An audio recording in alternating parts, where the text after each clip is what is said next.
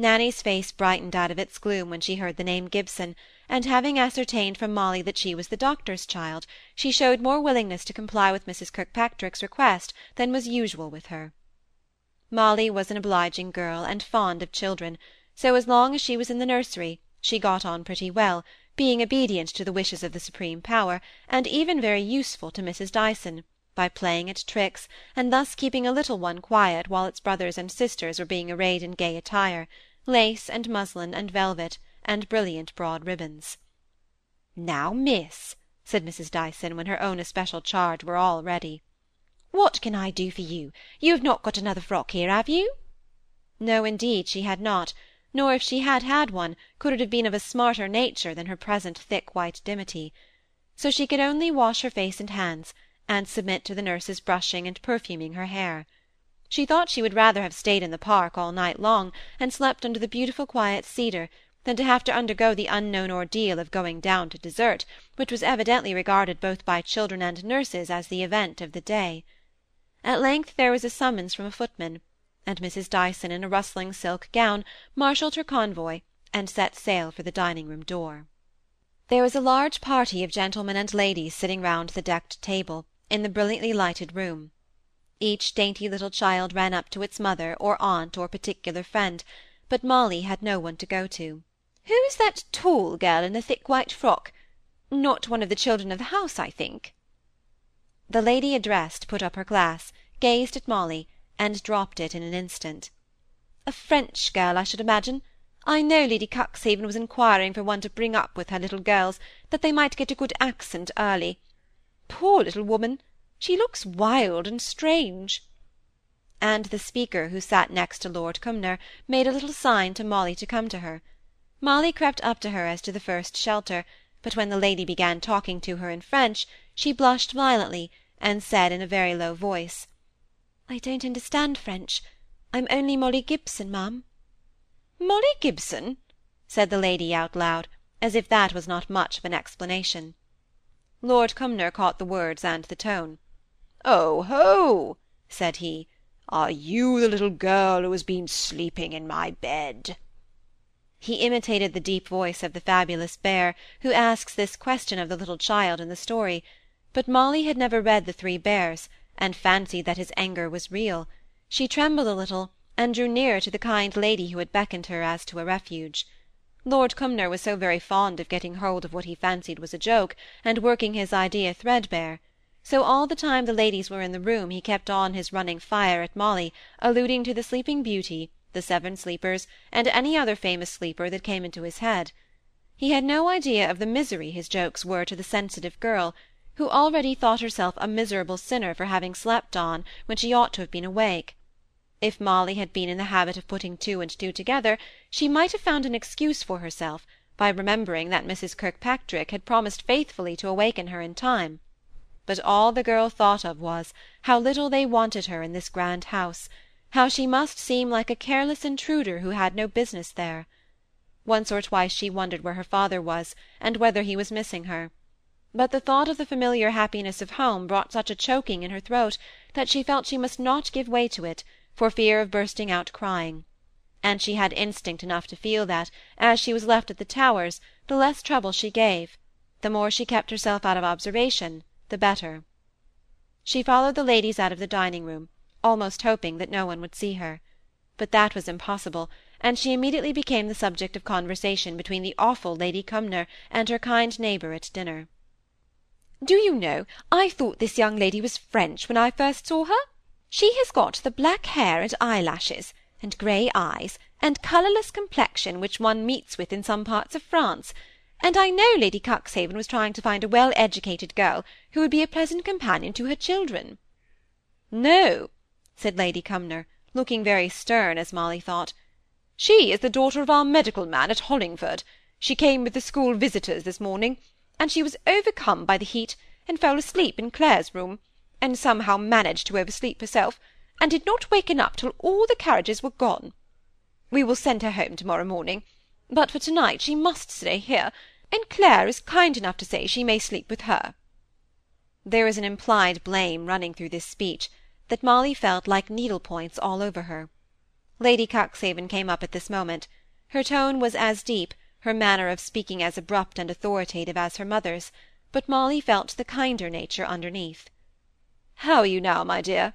You look better than you did under the cedar tree. So you're to stop here to-night?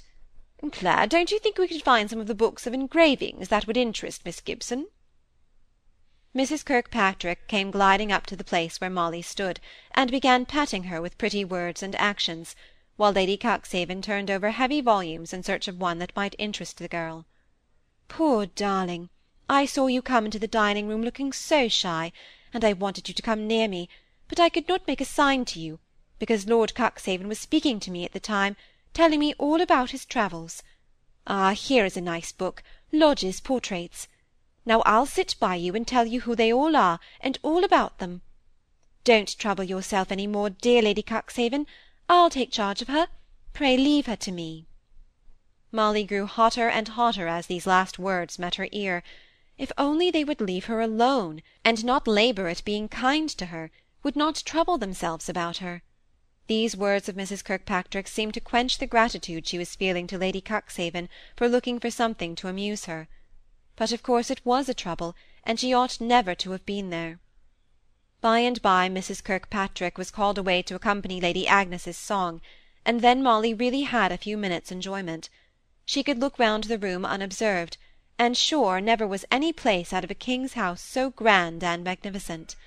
Large mirrors, velvet curtains, pictures in their gilded frames, a multitude of dazzling lights decorated the vast saloon, and the floor was studded with groups of ladies and gentlemen, all dressed in gorgeous attire.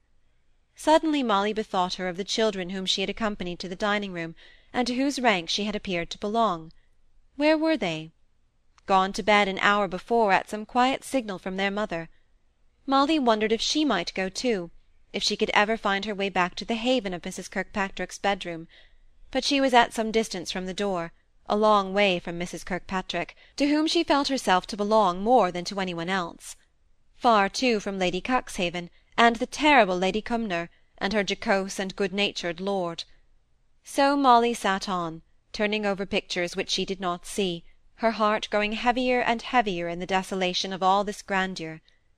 Presently a footman entered the room, and after a moment's looking about him, he went up to Mrs. Kirkpatrick, where she sat at the piano, the centre of the musical portion of the company, ready to accompany any singer, and smiling pleasantly as she willingly acceded to all requests. She now came towards Molly in her corner, and said to her, "Do you know, darling, your papa has come for you, and brought your pony for you to ride home, so I shall lose my little bedfellow; for I suppose you must go?" Go! Was there a question of it in Molly's mind, as she stood up quivering, sparkling, almost crying out loud? She was brought to her senses, though, by Mrs. Kirkpatrick's next words. You must go and wish Lady Cumnor good night, my dear, and thank her ladyship for her kindness to you. She is there, near that statue, talking to Mr. Courtenay. Yes, she was there, forty feet away, a hundred miles away. All that blank space had to be crossed, and then a speech to be made. Must I go? asked Molly, in the most pitiful and pleading voice possible. Yes, make haste about it. There is nothing so formidable in it, is there? replied Mrs. Kirkpatrick, in a sharper voice than before, aware that they were wanting her at the piano, and anxious to get the business in hand done as soon as possible. Molly stood still for a minute, then looking up, she said softly, "Would you mind coming with me, please?" "No, not I," said Mrs. Kirkpatrick, seeing that her compliance was likely to be the most speedy way of getting through the affair, so she took Molly's hand, and on the way, in passing the group at the piano, she said, smiling in her pretty genteel manner, "Our little friend here is shy and modest, and wants me to accompany her to Lady Cumnor to wish good night. Her father has come for her, and she is going away." Molly did not know how it was afterwards, but she pulled her hand out of Mrs. Kirkpatrick's on hearing these words, and going a step or two in advance came up to Lady Cumnor, grand in purple velvet, and dropping a curtsey, almost after the fashion of the school children, she said, "My lady, Papa is come, and I am going away. And, my lady, I wish you good night, and thank you for your kindness—your ladyship's kindness, I mean," she said, correcting herself as she remembered Miss Browning's particular instructions as to the etiquette to be observed to earls and countesses, and their honourable progeny, as they were given that morning on the road to the Towers. She got out of the saloon somehow, or believed afterwards, or thinking about it, that she had never bidden good-bye to Lady Cuxhaven, or Mrs. Kirkpatrick, or all the rest of them, as she irreverently styled them in her thoughts. Mr. Gibson was in the housekeeper's room, when Molly ran in, rather to the stately Mrs. Brown's discomfiture. She threw her arms round her father's neck. "Oh, papa, papa, papa! I am so glad you have come!" And then she burst out crying, stroking his face almost hysterically, as if to make sure he was there. "Why, what a noodle you are, Molly! Did you think I was going to give up my little girl to live in the Towers all the rest of her life? You make as much work about my coming for you as you thought I had. Make haste now and get on your bonnet. Mrs. Brown, may I ask you for a shawl or a plaid or a wrap of some kind to pin about her for a petticoat?" He did not mention that he had come home from a long round not half an hour before, a round from which he had returned dinnerless and hungry; but on finding that Molly had not come back from the Towers, he had ridden his tired horse round by Miss Brownings, and found them in self-reproachful helpless dismay. He would not wait to listen to their tearful apologies; he galloped home, had a fresh horse and Molly's pony saddled, and though Betty called after him with a riding skirt for the child, when he was not ten yards from his own stable door, he refused to turn back for it, but went off, as Dick the stableman said, muttering to himself awful. Mrs. Brown had her bottle of wine out, and her plate of cake, before Molly came back from her long expedition to Mrs. Kirkpatrick's room. Pretty nigh a quarter of a mile off, as the housekeeper informed the impatient father, as he waited for his child to come down arrayed in her morning's finery, with the gloss of newness worn off. Mr. Gibson was a favourite in all the Towers household, as family doctors generally are, bringing hopes of relief at times of anxiety and distress, and Mrs. Brown, who was subject to gout, especially delighted in petting him whenever he would allow her. She even went out into the stable-yard to pin Molly up in the shawl, as she sat upon the rough-coated pony, and hazarded the somewhat safe conjecture, "I dare say she'll be happier at home, Mr. Gibson," as they rode away. Once out into the park, Molly struck her pony, and urged him on as hard as he would go.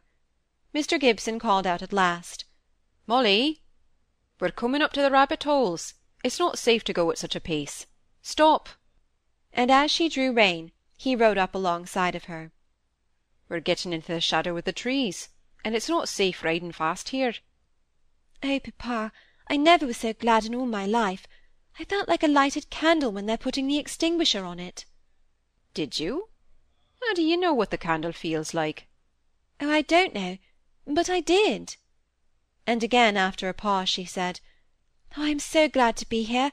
It is so pleasant riding here in the open, free, fresh air, crushing out such a good smell from the dewy grass. Papa, are you there?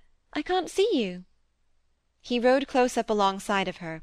He was not sure but what she might be afraid of riding in the dark shadows, so he laid his hand upon hers. Oh, I am so glad to feel you, squeezing his hand hard.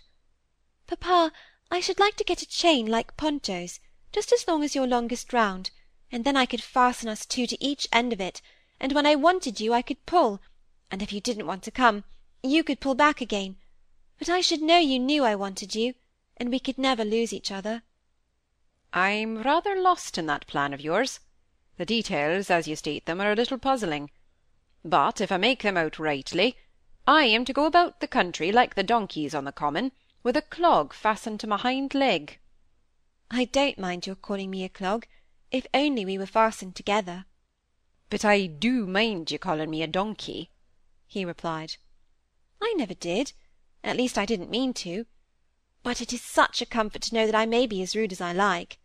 Is that what you've learnt from the grand company you've been keeping to-day? I expected to find you so polite and ceremonious that I read a few chapters of Sir Charles Grandison in order to bring myself up to concert pitch. Oh, I do hope I shall never be a lord or a lady. Well, to comfort you, I'll tell you this. I'm sure you'll never be a lord, and I do think the chances are a thousand to one against your ever being the other, in the sense in which you mean. I should lose myself every time I had to fetch my bonnet, or else get tired of long passages and great staircases long before I could go out walking. But you'd have your lady's maid, you know. Do you know, papa, I think ladies' maids are worse than ladies. I should not mind being a housekeeper so much. No, the jam cupboards and dessert would lie very conveniently to one's hand, replied her father meditatively. But Mrs. Brown tells me that the thought of the dinners often keeps her from sleeping. There's that anxiety to be taken into consideration. Still, in every condition of life there are heavy cares and responsibilities. Well, I suppose so, said Molly gravely. I know Betty says I wear her life out with the green stains I get in my frocks from sitting in the cherry-tree. And Miss Browning said she had fretted herself into a headache with thinking how they had left you behind. I'm afraid you'll be as bad as a bill of fare to them to-night. How did it all happen, Goosey? Oh, I went by myself to see the gardens. They are so beautiful. And I lost myself, and sat down to rest under a great tree. And Lady Cuxhaven and that Mrs. Kirkpatrick came. And Mrs. Kirkpatrick brought me some lunch, and then put me to sleep on her bed. And I thought she would waken me in time, and she didn't. And so they'd all gone away. And when they planned for me to stop till to-morrow, I didn't like saying how very, very much I wanted to go home, but I kept thinking how you would wonder where I was. Then it was rather a dismal day of pleasure, Goosey, eh? Not in the morning. I shall never forget the morning in that garden. But I was never so unhappy in all my life as I have been all this long afternoon. Mr. Gibson thought it his duty to ride round by the Towers, and pay a visit of apology and thanks for the family, before they left for London. He found them all on the wing, and no one was sufficiently at liberty to listen to his grateful civilities but Mrs. Kirkpatrick, who, although she was to accompany Lady Cuxhaven, and pay a visit to her former pupil, made leisure enough to receive Mr. Gibson on behalf of the family, and assured him of her faithful remembrance of his great professional attention to her in former days in the most winning manner.